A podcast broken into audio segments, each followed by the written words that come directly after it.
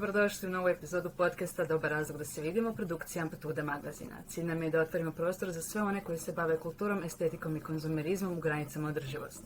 Moje ime je Aurora i današnji jako dobar razlog da se vidimo sa Ivanom Bijačinom i da razgovaramo o održivoj modi, transparentnosti u proizvodnji i arhaičnim metodama obrade tkanine. Dobrodošli.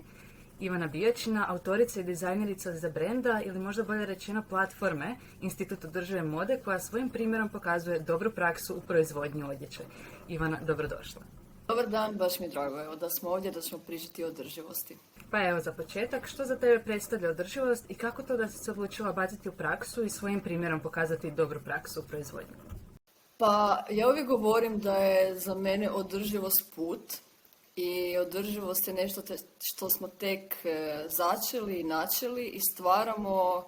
putem kako koračamo. Da na taj put održivosti vi zakoračite i onda iz svoje pozicije gdje se nalazite radite korak po korak da budete održivi. Stoga nikad ne volim baš taj naziv i kada ono održiva moda pa kada se ono uz održivu modu ili, ili uz održivost kada se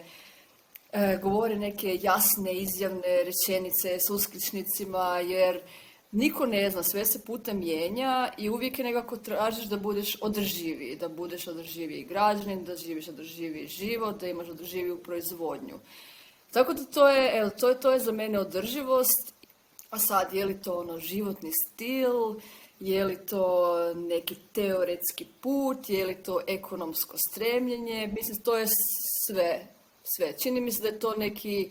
novi način života, proizvodnje, viđenja, svijesti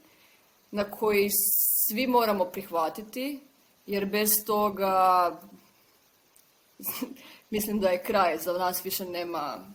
mislim nema povratka sad već, ali nema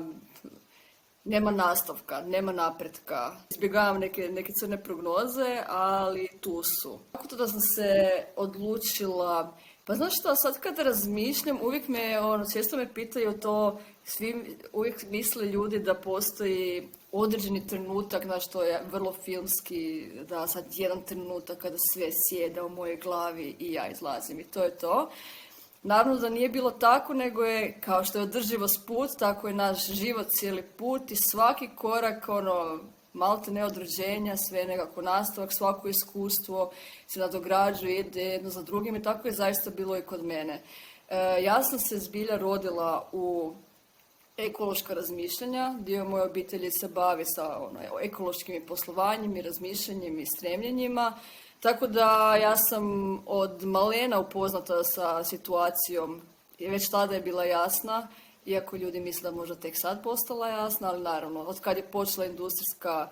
revolucija, bilo je jasno da ono, stremimo k nevoljama. E, tako da ja sam već kao dijete imala ono Save the Planet majice i bila sam taj ono jedna, jedan od takvih e, likova i uvijek su moji radovi bili nešto ono Greenpeace, E, zeleno, ekološki promišljanja u tom smjeru, a i prirodno mi je nekako taj senzibilitet uvijek bio uvijek sam bila jako, jako osjetljiva na ono nepravdu, pogotovo prema životinjama, prema okolišu, vezana sam jako uz prirodu, to me ono, uvijek, uvijek me to jako pogađalo i mislim to se nekako onda razvijalo dalje i kroz moje kreativna neka stremljanja, rad, pisanje, uvijek je to bila neka centralna tema i uvijek je centralna tema bila kako možemo bolje da propitujemo, ali da propitujemo na jasan način, kritičan, ali da tu postoji neka ljepota unutar toga da nije sve usmjereno samo na teoriju, nego mora postojati neka ono ljepota unutar našeg življenja i razmišljanja, djelovanja, stvaranja i da uvijek smo usmjereni na promjenu, na poticanje, na veličanje, na osnaživanje. Tako da ovo je sad taj neki korak, mislim to je isto bila neka ideja koja se u meni isto to, ja sam naravno kroz život uvijek sam šivala, stvarala, radila, mislim kod tineđer sam si svu odjecu šivala, izgledala sam onako suludo dosta.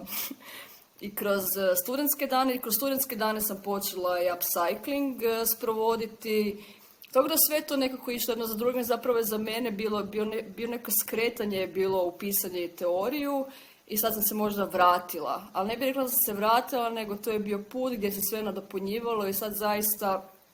je sve došlo nekako na svoje. Jer kao što sam spomenula, e, zaista ne volim kad se kaže da je IOM brand, institut, jer zbilja nije brand, ili kad se mene proziva dizajnerom, jer se zaista ne osjećam kao dizajner, e, nego to je neka moja specifična pozicija mojih vrlina i iskustava koje sam pokušala zajedno obuhvatiti i zato se zove Institut održive mode, jer nije to bilo slučajno ime, ja sam ono jako dugo razmišljala kako, kako imala sam ono neke ideje, ali sve mi je bilo previše ono da će biti brand. Ovo je bilo, čim je, čim je došlo institut, to je to, to je ono, to okuplja moje ono, snage, moje iskustvo i ono što želim raditi, a to nije samo proizvodnja, već i edukacija, neprestano da pričamo o tome, da educiramo, da se povezujemo. Tako da, eto, bilo je korak po korak, nije bilo uvijek lako, ali e, kada se ustreje, e, stvari dođu na svoje. I ono što je najvažnije da postoji namjera iza svega koja je veća od tebe, a namjera je da služiš i doprinosiš. Kako i kada je nastao konkretno baš Institut održive mode? Ideja je krenula e, u ljeto 2019. Mi smo prvo to ljeto koje smo proveli baš u Koprivnici, tada sam ja počela tako malo eksperimentirati, više šivati, raditi, krenulo je krenula je ta ideja, a onda sam se sljedeće godine prijavila na poticaje i u listopadu prošle godine sam službeno otvorila obrt. Ali smo onda par mjeseci radili radionu, tako da sam počela službeno, ja to gledam sa službeno kad sam došla na Instagram e, krajem siječnja, a počela sam e, prodavati u ožujku. Tako da je sve to vrlo, vrlo svježe. Ali je sve brzo nekako jako kliknulo i došlo na svoje upravo zbog onog godine, godine, godina rada gdje je, kažem, cijela priča se nekako zaokružila. Možeš li mi nešto više reći o manifestu koji si napisala za svoju web stranicu? Zašto si osjećala potrebu napisati ga i što želiš da ljudi izvuku iz toga kad bi mogla sažeti u nekoliko rečenica? Mislim, manifest sam napisala u ono, krajem jeseni prošle godine, jer sam imala potrebu nekako obuhvatiti ovoga, sva moja razmišljanja i upravo to da nije samo, da IOM e, nije samo brand, već da je puno više od toga i da nekako zajedno stvaramo i zajedno nekako širimo tu ideju i zajedno sudjelujemo. Moram napomenuti da je, kao i sve obično kako, kad, kad pišem, prva verzija e, manifesta je bila puno, puno, puno ono, i kritičnija i puno, možda ne, ne bih rekla da je bila crnija, bila je onako jako realna jer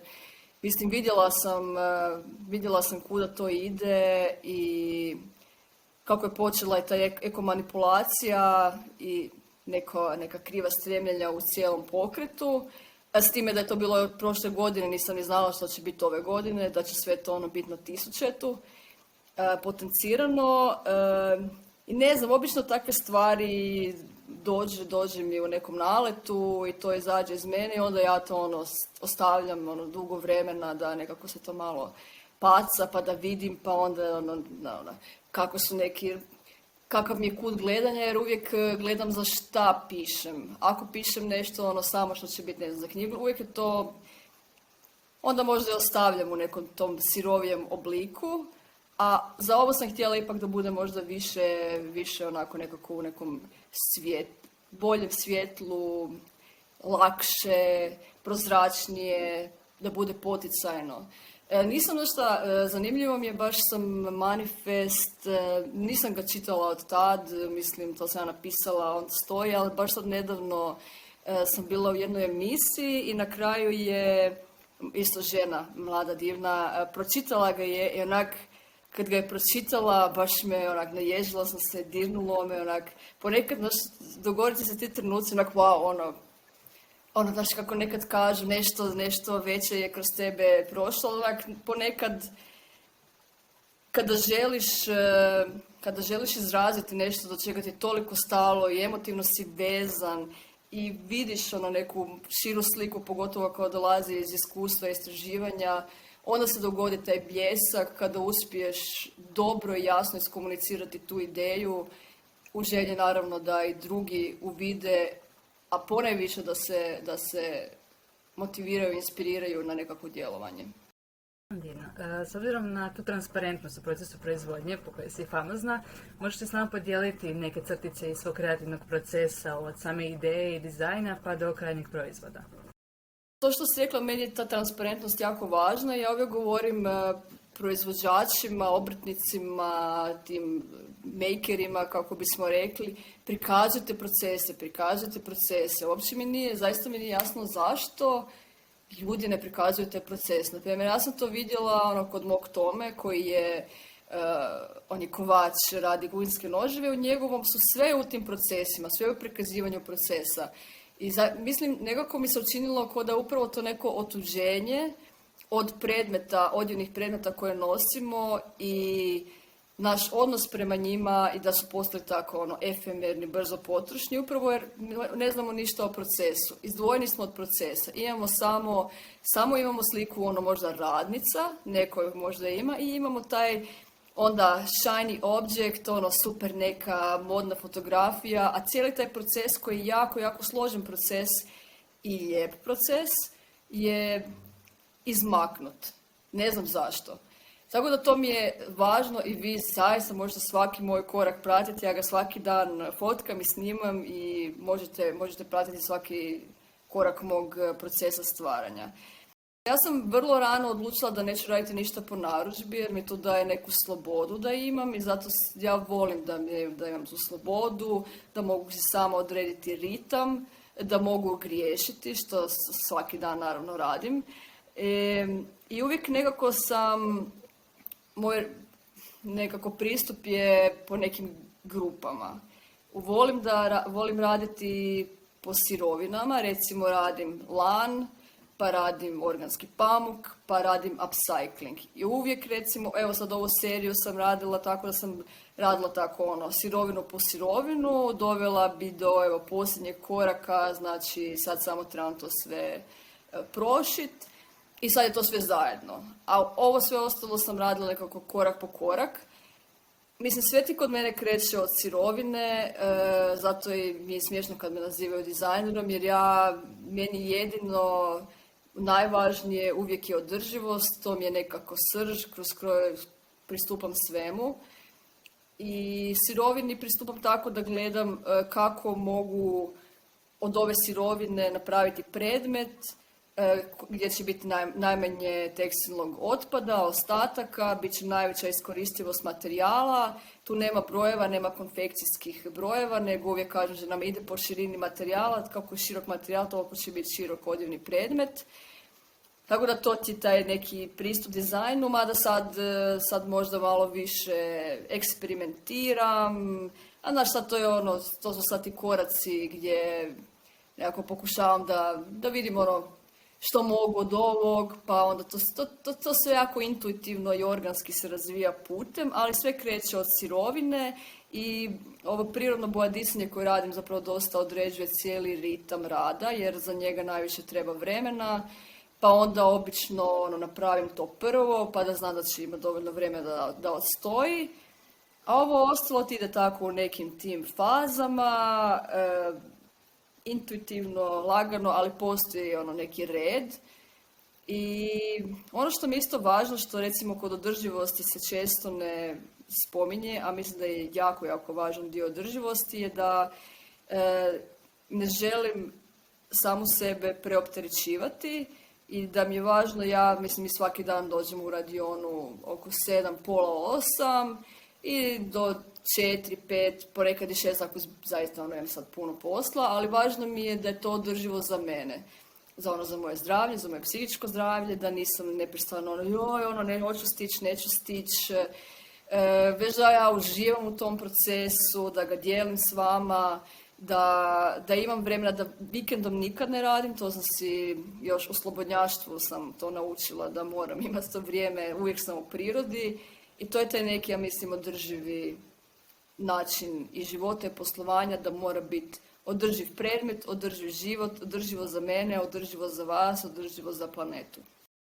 Spomenula si taj lan. Gdje nabavljaš? Mislim da spominjala da je stoljetni. Pa što te potaknulo zapravo da odabereš to kao sirovinu i gdje ga uopće nalaziš? Kao što sam rekla, sve polazi od sirovina i tu mi je isto važno da pričam tu priču o održivosti koja je široka, koja ima neku širinu. Eh, zato koristim, kao što sam spomenula, taj stoljetni podrski lan, organski pamuk i radim upcycling. Da to ima neka, da je neka složena priča o održivosti, da prikazuje da održivost nije neka jednolična, da ono, kao što smo rekli, to neki sad e, krajnji proizvod ideja koja je već gotova, već postoji mnogo kuteva gledanja stvaranja. Što se tiče podravskog lana, mislim evo da, e, ja sam u Podravini, tu smo se doselili, tu sam postavila institut. I još sam ja kroz istraživanje tekstilne industrije, mislim, saznala da je sjever Hrvatske, mislim to se nekako zna, sjever Hrvatske uvijek bio vezan uz tekstilnu industriju i sirovine i lan koji se pronađe, koji pronađete na buvljacima, obično je ili podravski ili sa, sa negdje sa sjevera, ono, Međimurje, kako koji. E, I u Koprivnici postoji odličan, odličan sajam, ko ono, ja kažem njima da je to najbolji sajam u Hrvatskoj, jer je ko Hrelić. Nije ono da te ko Hrelić da te ubije u pojam i srpi, nego taman je dovoljno velik i nađe se zbilja odličnih tih sirovina za moje potrebe. Ja ga nazivam stoljetni lan, on je obično između oko 70 godina, kako koje, 70 do 100 godina je stari, sad već s obzirom da sam ja dosta dugo tragala za sirovinom i potraga za sirovinom je nekako uvijek najveći dio posla, pronašla sam ženu jedna koju uvijek znam da ima, da ima dosta dobar lan, već imamo tu neku cijenu o kojoj smo se dogovorili, koja je meni u redu, a uvijek, uvijek svaki ponedjeljak idem na sajam i tragam za lanom, ponekad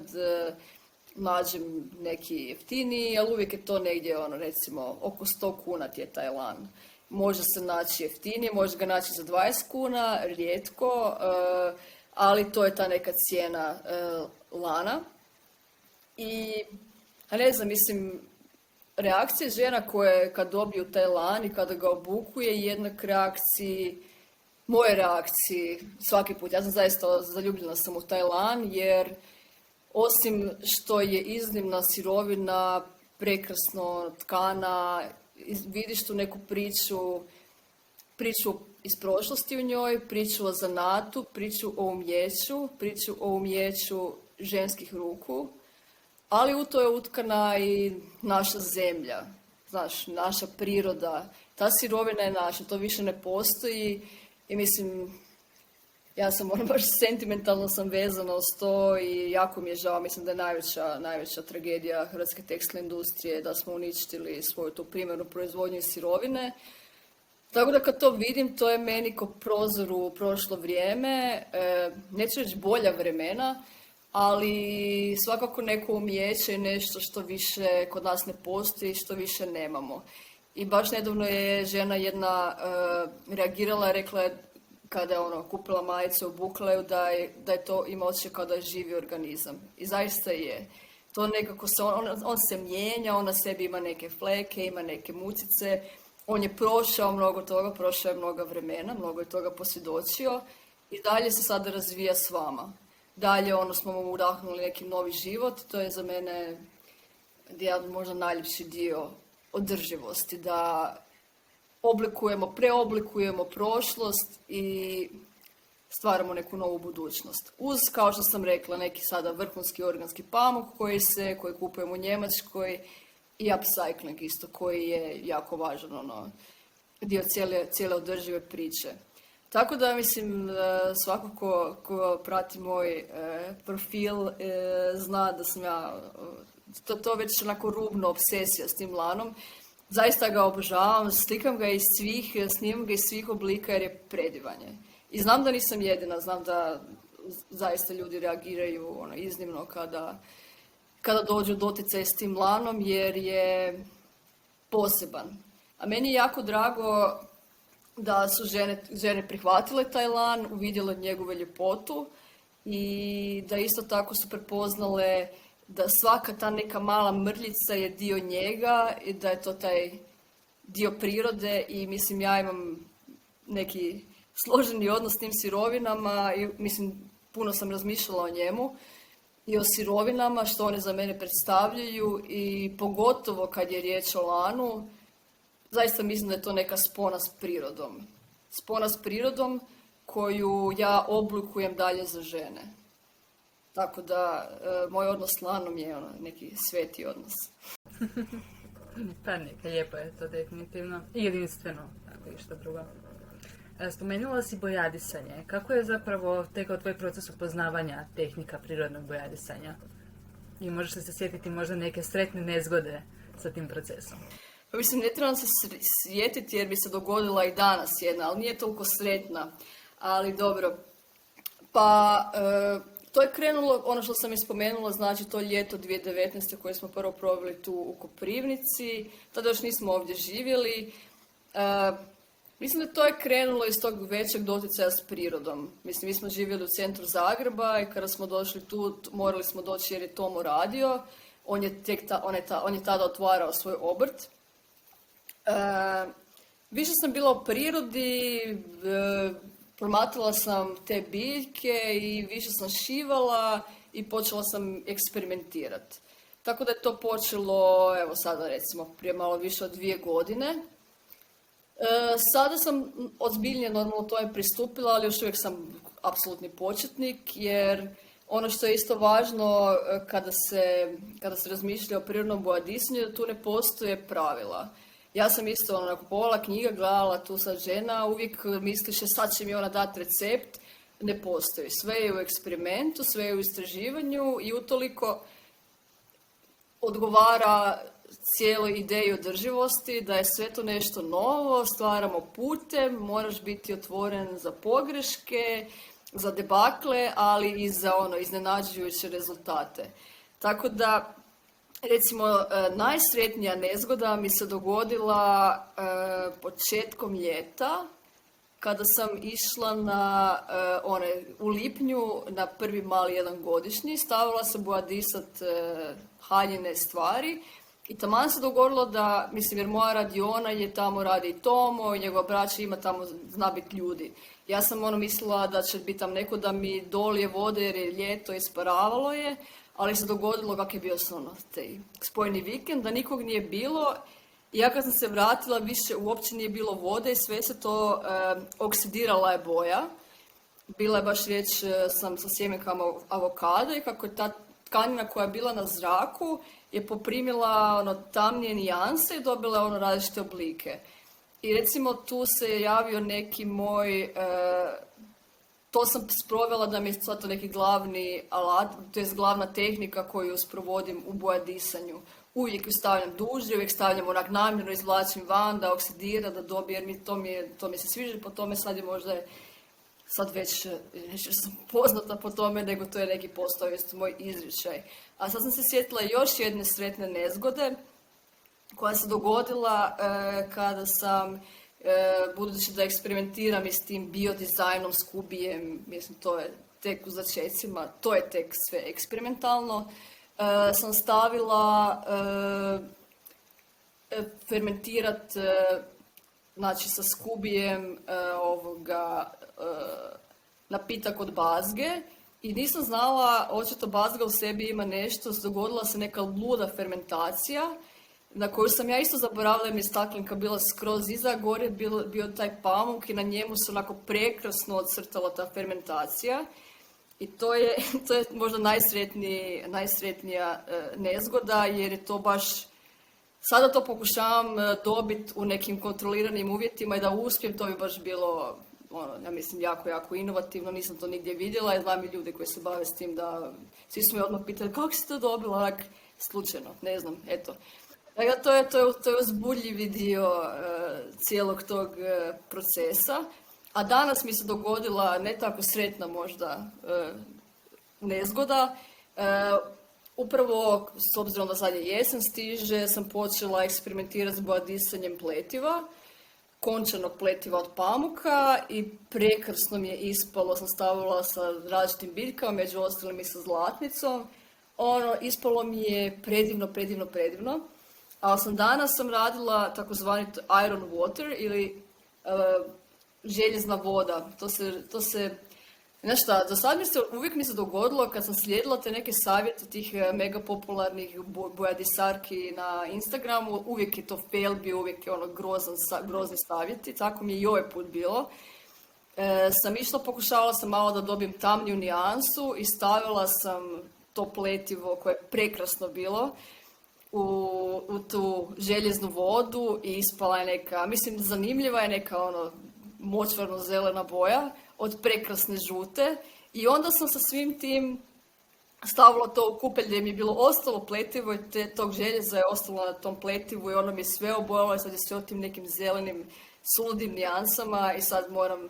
si dati vremena da se razmislim što ću s tim jer mislim uvijek je to zanimljivo i kad god bi ja rekom prezentirala da je to, joj, to je moja pogreška, onda bi snašla neke žene, rekli se, to je meni predivno,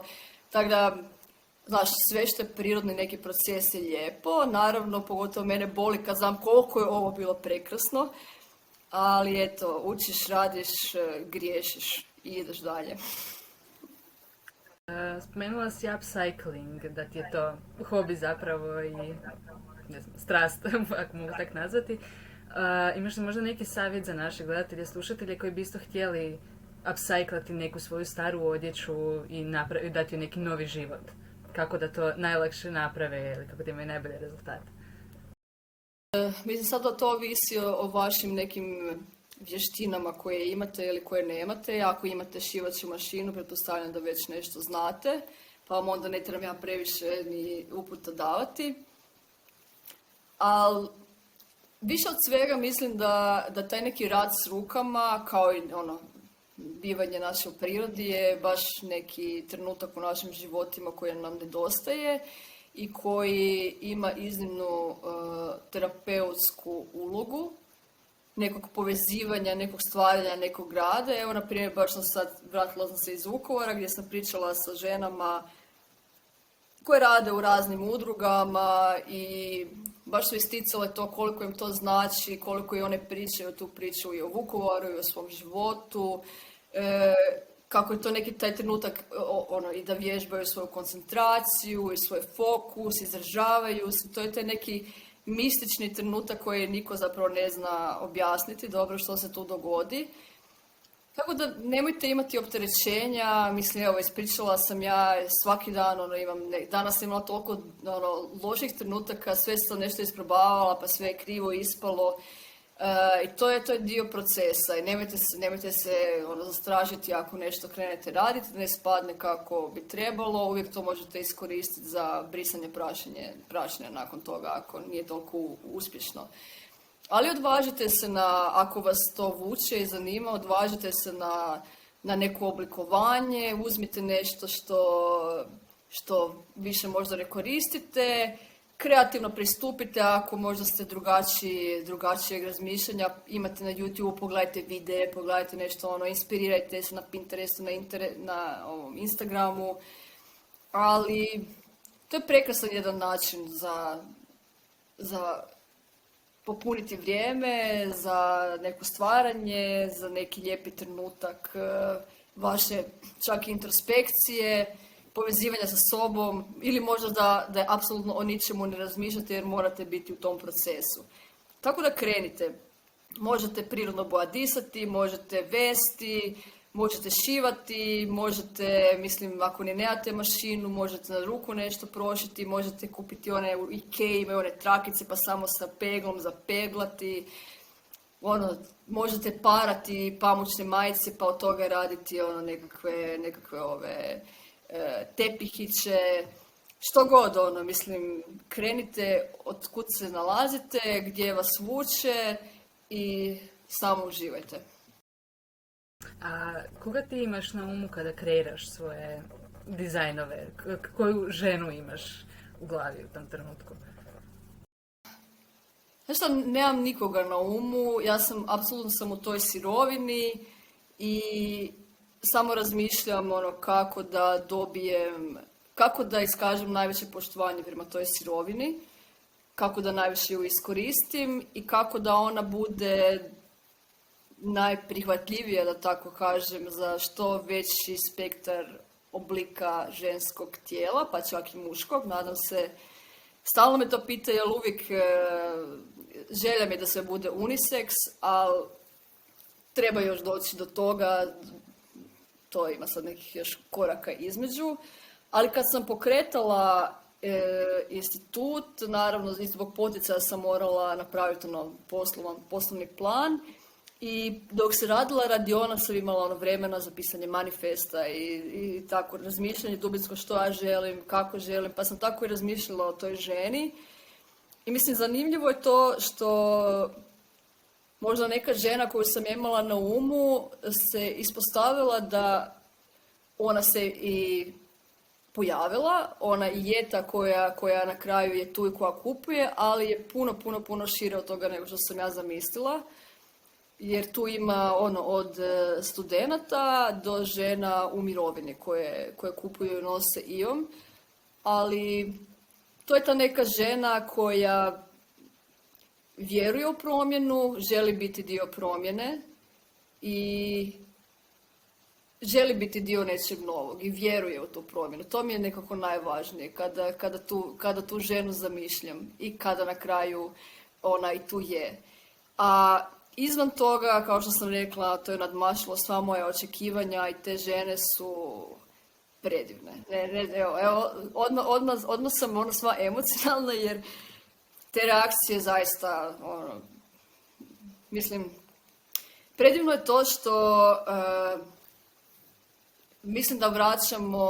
vraćamo neku ljepotu toj našoj ženskoj, ženskom zanatu, ženskom načinu izražavanja, ženskom radu i da ta namjera e, koju ja imam kada radim i koju ono nekako s tim poštovanjem i ono oduševljenjem kada pristupam sirovini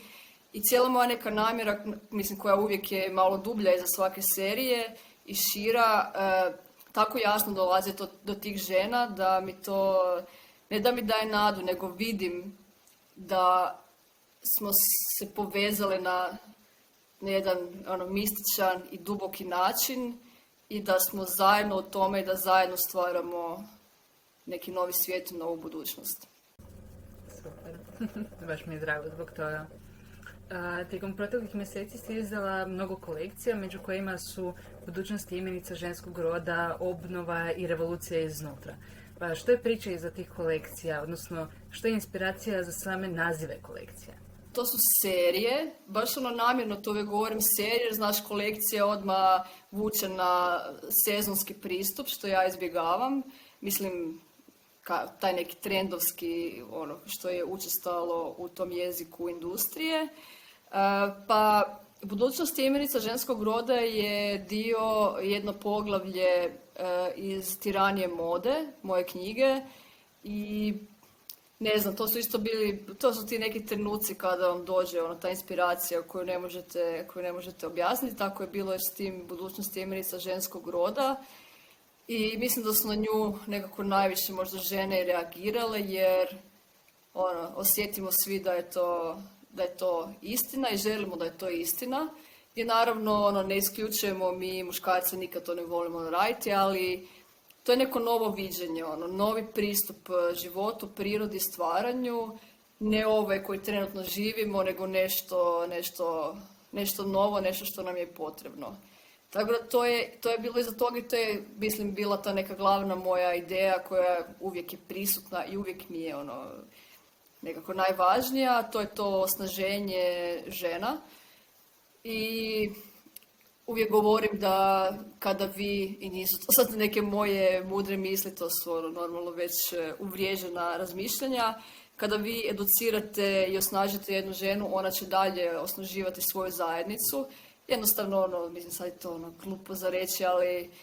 po tome smo možda malo ono, specifične, da uvijek, uvijek ćemo naravno dati prije drugima nego sebi, ali vjerujem da se isto to, da se to mijenja i da se okrećemo i prema sebi, ali i prema zajednici. Stoga je to bilo, glavna ideja je bilo osnaženje. Osnaženje i da, da to nekako prizovemo i uvidimo u sebi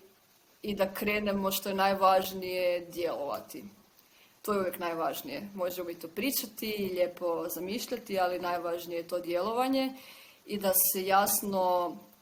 izrazi da tu budućnost mi oblikujemo danas, oblikujemo je svakom našom odlukom,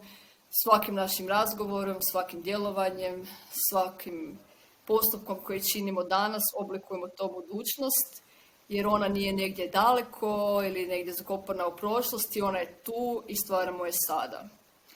Obnova je bila pa ono što sam ti možda i rekla e, da održivost, često se, često se iz održivosti ta neka glavna, glavni dio izmiče, a to je održivost, održivost naših života, održivost našeg zdravlja, održivost našeg psihičkog zdravlja, taj nepristani burnout, stres o kojem ono, koji svi žive. I da bi nešto bilo održivo, mora biti održivo poneviše za nas. I tu je ta obnova, neka, neki trenutak e, kada zastanemo, kada možda se malo izmaknemo, napravimo ona tri koraka unazad, da možemo, da bismo stremili prema toj budućnosti e, i gradili ju, trebamo biti e, obnovljeni, trebamo biti, trebamo biti, pa ne čak ni obnovljeni, nego trebamo biti odmorni, dobro naspavani i dobro nahranjeni i sa hranom i sa E, trenucima i sa osjećajima da bi, da bi temelji ti bili zdravi. I to je taj neki uvijek e, trenutak kada treba prepoznati kod sebe sad je vrijeme da se malo, da zastanem, treba mi neka obnova, bilo meni to odlazak u prirodu uvijek, ali što god to predstavljalo za nekoga. To je tako jako važan aspekt o kojem se ona premalo govori. I posljednje je bilo revolucija iznutra. Ja mislim sve je to normalno, sve je povezano, sve je vezano uz neko to ono, osnaženje, ono, emancipaciju žensku. Revolucija iznutra zapravo knjiga Glorije Steinam, njezina najpoznatija knjiga koja govori o samopoštovanju ili ti samopouzdanju i Mislim, kada se bavite, kada se bavite sa bilo čime, uvijek, uvijek tragate, ono, idete korak unazad. Ok, ovo je taj neki prvi, prva razina, ali što je iza toga, što je iza toga, što je iza toga. I uvijek dođete do toga, nažalost, kod, kod žena, djevojčica ponajviše naravno, eh, je nedostatak samopouzdanja, iskrivljena slika sebe i osjećaj da ne pripadamo taj ono isto imposter syndrome i naravno iza toga se nalazi strah, što drugo. Tako da isto mi se učinilo da isto da neki dobar temelj eh, nekog tog novog stremljenja je važno da svaka za sebe razmisli, on napravi neku introspekciju, koji je moj odnos same sa sobom, kako stojim za sam, samopoštovanjem, što mogu učiniti što mogu učiniti za to ono dijete u sebi koje možda nije imalo sretno djetinstvo, jer mislim, zrelost dolazi kada vi shvatite da jedino vi odgovarate za sebe, za svoje stanje, za svoje zdravlje, za svoja dijela, za svoje postupke i tu, se tu je naravno i ta moć gdje vi u svakom trenutku svog života možete učiniti nešto za ono, ranjenu djevojčicu iz vašeg djetinstva, ili za nesigurnu tineđericu, možete sada se postaviti i reći ja sam sada tu, sve u redu. Tako da e, izlječenje je put, pogotovo za žene. Sve nosimo ono, generacije, generacije, generacijske traume i ono isto mi je ta prekrasna misao da kada se vi zauzmete za sebe i krenete na taj put izličenja, da to činite za sve žene u nizu svih generacija iza vas. U svojoj knjizi proizvedeno u Hrvatskoj, tranzicija hrvatske tekstilne industrije, spominješ trend povratka proizvodnje tekstila u Europu zapravo. Što su po tvojom mišljenju pozitivne i negativne posljedice tog trenda koji vidimo? Pa taj trend je bio eh, jasan to 2015-2016. godine. Mislim, vidjelo se normalno kada, ono, kada promatrate industriju i kada ste u tome, onda vidite sve nekako što slijedi, kuda se kreće, kako će se događati stvari. Naravno i ova održivost je isto ono, bila predviđena, ali opet nije, sve nas je iznenadila u koliko to ono, mainstream otišlo. Eh, pozitivne strane a sad, e, mislim, naravno, teško je, teško je tome govoriti jer, e, naravno, korona je promijenila sve, poremetila je sve planove, više je teško, mislim, i sad ta održivost, sve, sve se nekako malo ono, iščašilo, da tako kažemo. Pozitivne strane, e, hajmo se zadržati na Hrvatsku, jer, mislim, u Europi se zaista ulaže u povratak tog tekstila, i velike poticaje se mogu dobiti, ono i države same ulažu naravno u tekstil jer shvaćaju, mislim nije da shvaćaju nego su znali što kod nas još uvijek ne znaju i ne znamo, da ne možete imati zdravo gospodarstvo koje se temelji samo na uslužnim djelatnostima, već da morate imati zdravu, dobru proizvodnju. I to je ta neka najveća tragedija ono što, koja se kod nas događa, se sve usmjerava na uslužne djelatnosti, i na tu ono, ono tu našu turističku sezonu koja traje tri mjeseca, a proizvodnju, da ne govorim uopće o tekstnoj proizvodnju, je ostavljena sa strane i puštena da propadne. Tako da pozitivne strane su možda, s obzirom da smo dio sad e, Europe i Europske unije, da ćemo možda prepoznati važnost proizvodnje, Negativne strane su da su promjene toliko spore da je ono teško eh, teško biti optimističan u vezi šire slike tekstilne industrije. Ja sam baš sad isto imala prilike pričati sa eh, osobom koja je dio moje knjige eh, proizvedeno u Hrvatskoj. Pod, ona, to je bila, bilo poglavlje, poglavlje radnica znači osoba koja je radila u tekstilnoj industriji u Benetonu i baš sam ju pitala e, kakva je sad situacija i to ide sve gore i gore, sve gore i gore, a isto usporedno sam baš pričala s jednom kolegicom koja je isto izašla iz jedne traumatične situacije jednog velikog njemačkog proizvođača koji, koji e, svoje proizvode radi u Hrvatskoj i tako je to bolno za nas tekstilce koji volimo našu industriju slušati i ja znam da ona je prošla recimo jako ono puno tih loših nekih situacija i svaki put kaže gotova sam s tekstilom. I ja sam je opet sad pitala, ono, nadam se e, kako ti je sad nekako viđenje, ali to je teško, to je jedno, jednom kad je to u tebi, ono, ne možeš to pustiti i drago mi je da nije odustala jer sad ju baš potičem da, da sama krene u svoju proizvodnju jer je isto vidjela iz mog primjera da se može i nadam se da će to isto biti za nju neko lijepo iskustvo, ono, napokon stvaranja u, u tekstilu. I iz toga nekako, možda ja, ja više, više baš ne pratim to jer sam sad usmjerena na novo,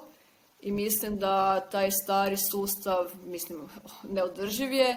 i da sve te promjene upravo dolaze od dozdo, od tih od, ono, od malih poduzeća, od malih, mislim ne malih pritisaka, ali od Voljela bih vidjeti, recimo sad smo mi premali, da, da sljedeći korak bude neko okrupnjivanje, udruživanje, neka srednje velika poduzeća. Tako se stvara ono, novo lice industrije, tako je stvorena i Zara i Inditex, okrupnjivanjem puno malih eh, proizvođača pa zaista se nadam da će, da će se to prepoznati i kod nas i pojavljuje se sve više i bude toga, ali naravno usporedno bude i greenwashinga. Tako da složeno je, mislim pratiti tekstnu industriju ono iznimno složeno jer čini vam se u isti mah ono wow promjena je velika, događa se nešto, a onda kada se okrenete vidite da ništa nije, da je sve gore i gore i gore i recimo isto kad promatra se proizvodnja polijestra to ono, od 70-ih samo, mislim, tak bih htjela vjerojatno fast fashion da ima takav rast. Samo ide u nebesa i ne staje, niti opada broj ono, proizvedenih predmeta, to samo ide, ide, ide, ide. Ali eto, ne znam, promjena je neka ovdje i sada je na svima nama da, kao što sam rekla, svaki dan nešto činimo, pritišćemo, jer se iskazalo da, da, je, da postoji i neka sad i kritična masa i mladih ljudi i da ih brendovi moraju služati ako misle opstati jer je to sad njihova potrošačka najveća skupina. Da, pa realno najjednostavnija stvar koju možemo napraviti je glasati sa svojim novčanikom. Jednostavno ne kupovati onda u trgovinama koje su, za koje znamo da rade na štetu i planeti sa svojim procesom proizvodnje i samim radnicima u tim eh, poduzećima jer nemaju humane uvjete, niti dostojanstvenu plaću, niti jednostavno nije zdravstveno dobro za njih da budu u tim uvjetima, tako da ako znamo to, da nam je onda da jednostavno ne potičemo daljnju priču u tom smjeru, jer kapitalizam ide tamo gdje je novac, jel? Upravo tako, ja to stalno, stalno, stalno govorim eh, da glasamo svaki dan eh, sa svakom kupovinom, tako oblikujemo lice svake industrije čiji proizvod kupujemo i da ne glasamo svake dvije ili četiri godine, već svaki dan ono, upravo sa svakom kupovinom. I uz to da ne smijemo se opustiti, e, nova generacija, sve se mijenja, jer da je tako, da, lako je staviti neki status, e, hashtag ili što već na društvenu mrežu, ali da zbilja je tako kako se čini da sad ono, generacija Z sve je okrenuta prema ono, zero waste,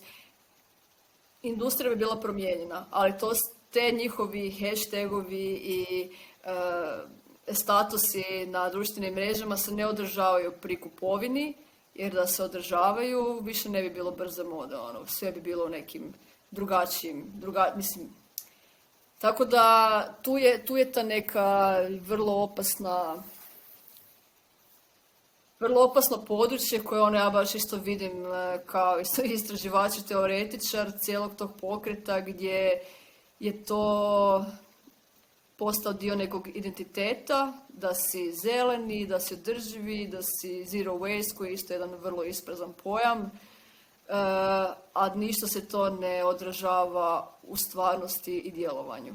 To jest vrlo malo. U svojoj knjizi Modus Vivendi među ostalim obrađuješ i temu društvenog u modi. Pa možeš se našim slušateljima i čitateljima objasniti što to zapravo znači? Koja je uloga mode kao posrednika u društvenom životu između tog identiteta koji smo sad spomenuli? To je, to jako zanimljivo za promatrati. Mislim, eto, ako ono krećemo u neku povijest, e, ta moda kakvu danas poznajemo je upravo je krenula ono, iz Francuske revolucije, kada su e, krenuli znači seljaci nazovemo ih tako oponašati viši stalež kako bi postali ono al ala mode française ili ono englez e, krenuli se oponašati bolje od sebe pod navodnike i to je, to je recimo ta možda sažetak mode koji je ostao do danas isti, gdje uvijek ono oponašamo, glumimo, prihvaćamo neku ulogu kako je bio onaj neki citat divan koji sam e, neki dana išla koji kaže da ego ne vidi, već e, ego ne sluša, već ego glumi. Ne, mogu se sad sjetiti, ali to je, to je ta suština da vi ne vidite, ne djelujete, ne sudjelujete u svijetu, već gradite ulogu. A naravno za tu ulogu je najlakše posegnuti za odjećom, posegnuti za, nečim, za nekim predmetima, okititi se njima, e, stvoriti neku personu. Sad je isto naravno to, je, tu, sa društvenim mrežama je to ono utoliko lakše, ali i gore, gdje možete stvoriti ono potpunu potpuno lažnu neku jednu osobu koja je izdvojena od vas. I tu je taj neki složeni odnos s predmetima koji mi imamo, e, pogotovo kao žene. Mislim, sad tu ono, možemo ići ono, duboko u teorije ono, subjektivnog, objektiv, objektivnog i ono, Simone de Beauvoir i svi mislim, koji, su, ono, koji su se bavili e, sa tim promatranjem ono, žena i sa promatranjem isto žena i predmeta i naših uloga i kako ih postavljamo. Ali danas meni recimo kada, razmišljamo o odjeći i kada promatramo da više ne znam sad, mislim meni se barem, čini da je tako da su ti neki ono hipsteri su bili zadnji ta neka nazovimo mislim, subkultura makar je to bila ono konzumeristička skupina. Nakon toga e, zato mi je zanimljivo promatrati ono što se događa u tim ekološkim stremljenjima, jer mi se čini da je to nova ta e, ideološka skupina koja je postala s kojom se gradi identitet. Gradi se identitet, e, mislim i naravno i kroz odjeću, ali i kroz, e, kroz neki taj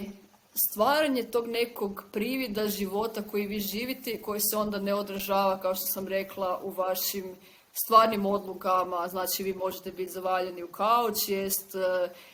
chips e, iz konzuma i raditi ono, ne znam, ono zero waste i prozivati, ne znam, HM, mislim to, to su ono te klasike koje, ono, koje, su, koje su tu.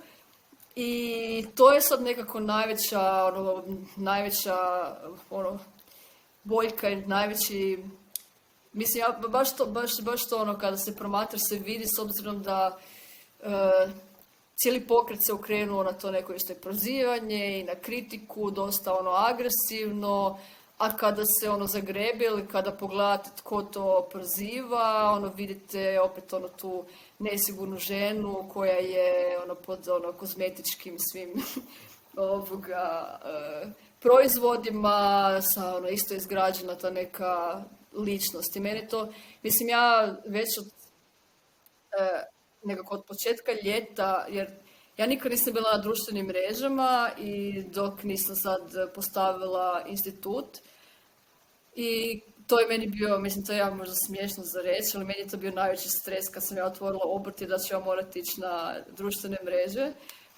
I, I, hvala Bogu, e, moje iskustvo je zaista ono predivno, super su ljudi, super je zajednica, ono baš, je, baš mi je, divno mi je iskustvo ali možda isto kao ono zelija osoba i kao osoba koja je ono istraživač, teoretičar, kad to promatram, ono, zbilja sam vidjela ono jako, to puno, puno zamki u koje zapada ono cijeli taj, taj pokret. I ja sam baš sam napisala jedan tekst koji je onako izašao iz mene, bio je malo ono ljutit i gnjevan. I on se isto već dugo sad paca jer ne želim nikog prozivati, već pokušavam biti ono konstruktivna. Ali mislim da svi to uviđamo ja ono često pričam sa ljudima koji su ono neki e, u tim ekološkim krugovima ono, cijeli život e, i kad vidite koliko je tu površnosti u svemu tome, to je bolno. Ali opet, s druge strane, treba se usmjeriti, uvijek se treba usmjeriti na ono dobro i na onu malu količinu ljudi koji zaista koja želi i to su obično žene koje nemaju nikakve, ono, mislim, sad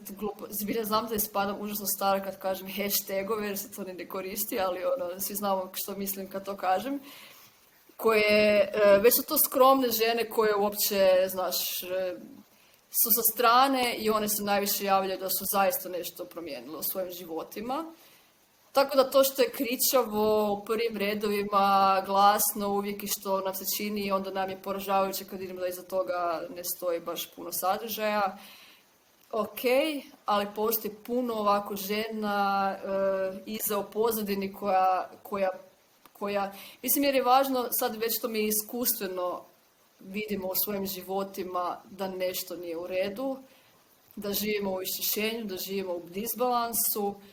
i možemo to osjetiti, možemo to intuitivno nekako ono, uvidjeti, ali nažalost to i živimo svaki dan. I da, naravno da se moda koristi time, sad je isto zanimljivo to gledati ono, unutar tog pitanja koje sam mi postavila, sam ja malo sad zaplesala svugdje, je e,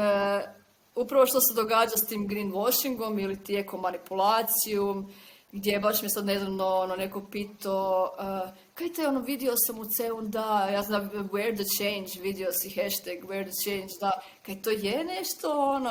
da, da.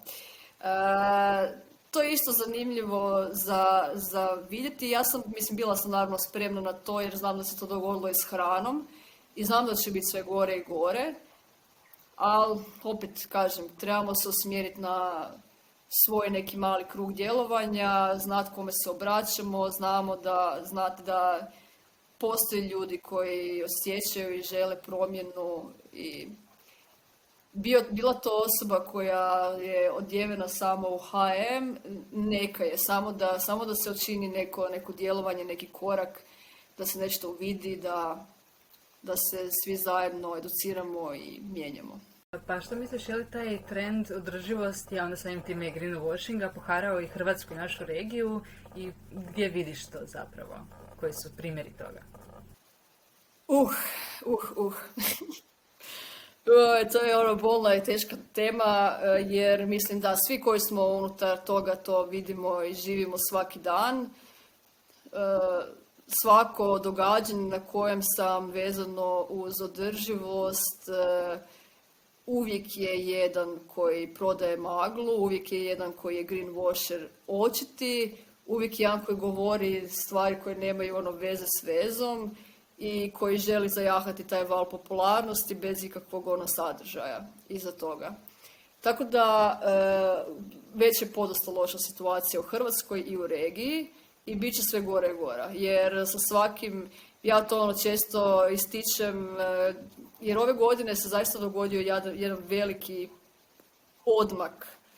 Ja znam, ono, mislim, kad sam prije pet godina ono, izdala tiraniju mode, e, ono, to je nešto ono, alternativno, još pogotovo to je neki način kojim sam pristupila, nije paso baš ni e, lijevo orijentiranim ljudima, to je bilo možda previše nešto ono malo ono, duhovno egzoteričnog, ovima je to bilo naš svet, ono, čudno je to bilo, ono, zašto? Ono, ili priče o radničkim pravima, ili priče, ne znam, o odjev skroz te vode nekog ovog ezoterije. Uh, ali ja mislim da je baš spajanje tog dvoje neko rješenje, jer svi ne želimo ono slušat, e, ne želimo ono slušati ni teoriju, ni lijeve tekstove, ni radnička prava, već hoćemo hoćemo biti educirani, ali želimo i neku ljepotu, ono, želimo rast, i želimo djelovanje, želimo nešto inspirativno. No, eh, recimo i prije godinu dana kad eh, sam držala predavanje o državoj modi, par ljudi, nešto, neka pitanja, uopće nije bilo to popularno i ove godine, Mislim, to je, eto, ja to navodim kao primjer, nije sad to neko hvaljanje, mislim, znači da nije hvaljanje, ali Eh, kad sam ja otvorila institut, eh, prv, odmah su me nazvali 24 sata je Gloria. I to ti govori koja je to razina mainstreama, gdje je to otišlo. Mislim, to, znaš, to je za takvu neku temu i za tako nešto je to dosta onak šokantno. E, tako da u došlo je u mainstreama, sa svim tim dolazi naravno i trivializacija pojma i djelovanja gdje sam ja neka djeva koja šeće kroz polje, pa malo bere, pa znaš, malo onako tako simpatična. bez, e, i svima nemoj, ono, nemoj, znaš, ljudi vole te lijepe priče, da, ali, mislim, ono, postoje neke činjenice koje isto trebamo, znači, izreći, jer nije tako jednostavno, znači, ne bi se htjelo prikazati jednostavno i ja uvijek govorim, i zato bi je super i ovo što vi radite i vidim da se okreće sve više i novina čak tome, gdje govorim nemojte podcjenjivati vaše slušatelje, čitatelje, ono. To nisu ljudi koji žele samo, niti koji žele e, crnu kroniku, ali niti koji žele samo ono gaja, ezoterija, super, sve je divno, namaste. Uh, mora biti neka sredina, mora biti ono neka, nešto da je, e, da se iznose neke činjenice, informacije, kritika i neko osnaženje. Tako da, e, da, ono, greenwashinga je mnogo, bit će ga još više. Mi u svojim krugovima već znamo ko su ti greenwasheri, uvijek ih tračemo i za ono kad se nađemo, što da kažem, ono mislim jer ne možeš, ne možeš drugačije jer mislim kad, kad sam ja, kad sam krenula i kad sam vidi, kad sam se našla tih nekih par situacija zbilja nezgodnih i uvijek se nađete kad god ste u nekom javnom okupljenju, Mislim, mi smo, ono što je meni ono najljepše, da smo povezani regionalno, svi koji djelujemo u tim krugovima i pričamo, jer zaista ne znaš kao pojedinac sam kako pristupiti tome. Da li da prozivaš, da li da ono, ukazuješ, da li da znaš da ga kritiziraš. I svako ima neki svoj pristup, ali mislim da smo se svi nekako složili da mislim, ako se nađeš u toj situaciji da moraš reći, mislim, ja sam se nalazila u situacijama gdje su govorili takve stvari da, ali naravno, to su sad vremena Zuma i svega gdje ne možeš baš reagirati u ono, sve, znaš, kako to je onda drugačije kada je na Zoomu. E, i ja sam odlučila da ću ja biti usmjerena na, na, na ono, te žene koje su spremne, koje su tu, koje su dio promjene, koje žele, koje žele sudjelovati i djelovati i povlačiti za sobom sve prijateljice i žene i muževe i sve. A ovaj taj mali dio će uvijek biti, ali ja mislim da kada se ti educiraš i kada znaš dovoljno da možeš, ti ćeš njih prepoznat odmah. Prepoznat ćeš odmah, ono greenwashing, a one ko ne prepoznaje, a mislim da ni ne želi prepoznati. I da želi biti dio, opet, to što sam rekla, da je to neki cool dio mog identiteta, ono, hashtag, smiješno sam s tim hashtagom, ali dobro. E, dio tog nekog mog onog slatkog e, identiteta koji sam si ja izgradila, malo sam, malo sam slatka, malo, malo imam jedno zeleno, ono eko dajte pokupite to smeće, a iza toga je ono stara nesigurnost e, koju, koju žene vuku, vuku stoljećima i stoljećima i ne znam, nadam se da će se to promijeniti. Ali da, tu je, bit će još gore i važno je da smo zajedno i da zajedno odlučimo kako pristupiti tome, jer da, svašta slijedi. Očigledno postoji potražnja za održivom odjećom, jel? bez obzira na greenwashing i dalje postoji potreba u ljudima da se okrenu prema tome. Jesi li ti možda razmišljala o proširenju svoje, svoje kapaciteta proizvodnje ili baš namjerno želiš ostati u ovim serijama kako bi što održivije? E, da, o tome sam razmišljala ono, nekako od početka s obzirom da mi je odmah krenulo ono, zbilja ono, odlično. E, ali uvijek se vraćam na to, tu neku suštinu održivosti da sam ja sam mogla odmah nekog krenut eh, da mi neko još više šije jer se sve se to odmah proda, da ja uvijek ne imam nešto na web shopu, da uvijek nešto je dostupno, ali onda to nije opet održivo. E, za meni je isto bilo kada sam pričala sa nekim ženama koje su u tim krugovima organskim, i kada su, to su te neke odluke koje se donose. Ako ti želiš slijediti taj neki stari sustav rasta, onda ćeš ići tim putem, jer odnos odnos me kada ćeš ti zapošljavati, kada ćeš naširiti ali to nije održivo i kroz svoj rad pokušavam implementirati i stvarati neke inovativne, nove poslovne modele i znam da je mnogo očiju mladih žena opereno u mene i meni je važno da sam, ovo će glupo zvučati, ali da sam dobar uzor eh, i da, da dijelim, ono, dijelim taj svoj put i da, mislim, i vučimo i na mojim greškama i na mojim uspisima. i sve polazi iz te održivosti. Meni je, ja zapravo sam vrlo rano shvatila da ja želim proizvoditi sve manje i manje, ali bolje i ja sam tek na početku, još uvijek ja ono nisam ni približno zadovoljna sa svojim proizvodom i svaki put je to neko iskušavanje, ono poboljšavanje i sigurno će to ići prema tome da će se raditi sve manje i manje i sve bolje i bolje. E, naravno, bit će onda i, i, ono, skuplje, jer sad neke su ono, cijene su zbilja, mislim da su ono, pristupačne i simbolične za neki moj početak i da za neko, taj, za neko stvaranje i otvaranje poslovanja. Tako da, na što ne znam, isto, isto tako ja, e, e, mislim sad ono ljudi, ja ne znam, možda oni misle da ja imam neke užasno velike poslovne planove i da je ovo sve e, sjajno osmišljeno, ali ovo je sve toliko ono, organski, iz dana u dan, intuitivno i to mi je isto važno da se tako razvija jer mislim da radim te neke velike planove da bi bila pod velikim opterećenjem i opet bi morala ići ono, ono odmah su projekcije, rastovi, kvartali, znaš, nego ovako e, stvaraš, e, važno da su slobodi, zaista je važno da zarađuješ, to je isto ta nekad naš odnos,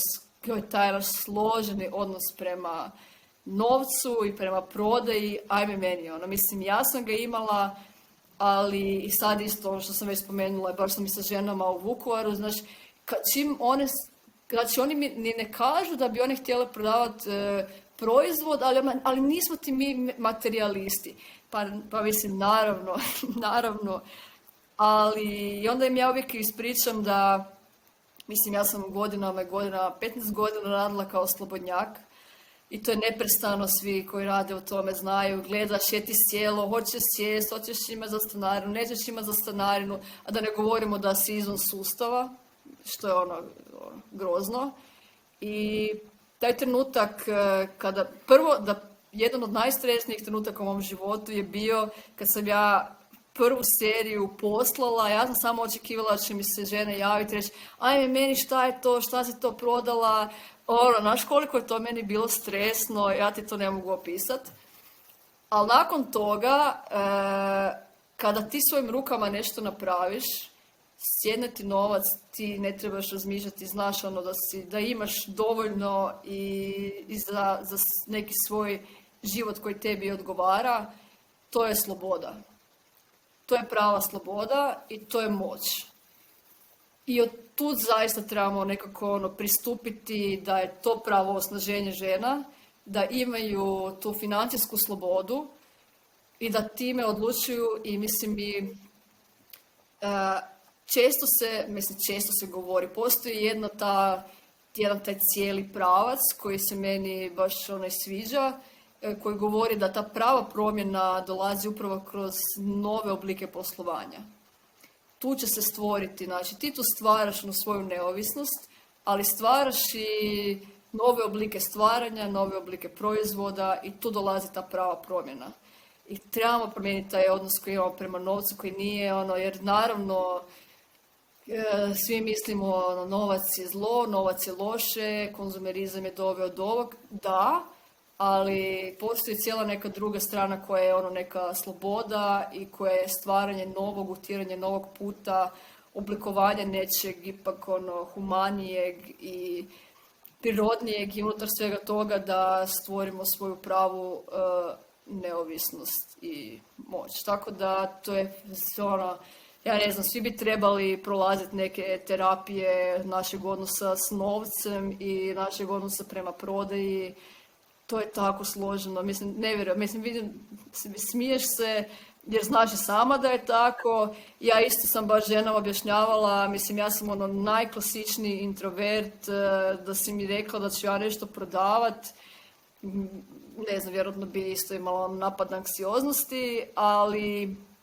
sve se mijenja kada je vaša namjera drugačija, kada vi znate da iza toga prvo da ste ponosni sa svojim radom i da znate da niste, da ste napravili nešto lijepo, vrijedno i da uz to želite to prenijeti dalje. Želite prenijeti ono neku lijepu namjeru, lijepi predmet,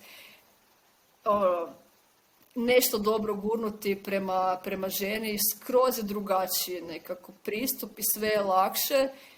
I ovo je lakše, ono, znači što ljudi misle sad, joj ti ne znam, da si ti rođeni, da u govorništvo, u pisnje, sve to vještina koja se, koja ono dolazi s godinama i koja dolazi s nekom vježbom i koja dolazi s guranjem ono da, da se ti, e, da probiješ se kroz taj strah,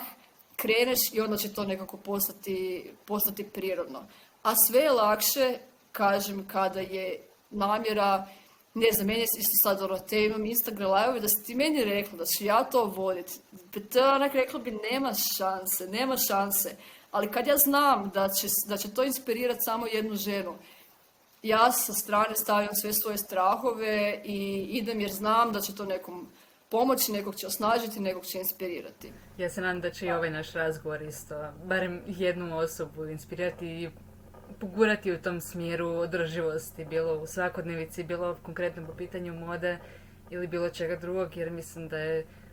u tome jednostavno tajna tog nekog ispunjenijeg načina života na kraju krajeva. Pa upravo to, ja sam sigurna da i ti i ja smo pristupile ovome eh, iz tog razloga ne zato da sad tu nešto pričamo, nego upravo zato jer želimo, želimo ono, barem meni uvijek samo jednu osobu da potakne što je uspjeh. hvala ti puno Ivana na vremenu koje si uložila u ovaj naš razgovor i na svim idejama koje si podijelila s nama i sa svoja mišljenja koja si nam iskazala ovdje. A našim slušateljima bih htjela reći, slušali ste još jednu seriju razgovora u okviru podcasta Dobar razlog da se vidimo produkcija Amputude magazina. Sve naše razgovore možete pronaći na Spotify, YouTube i Deezeru, a transkripciju ovog razgovora na amplitudemagazin.com. Do sljedećeg slušanja pratite nas na LinkedInu, Twitteru, Facebooku i Instagramu.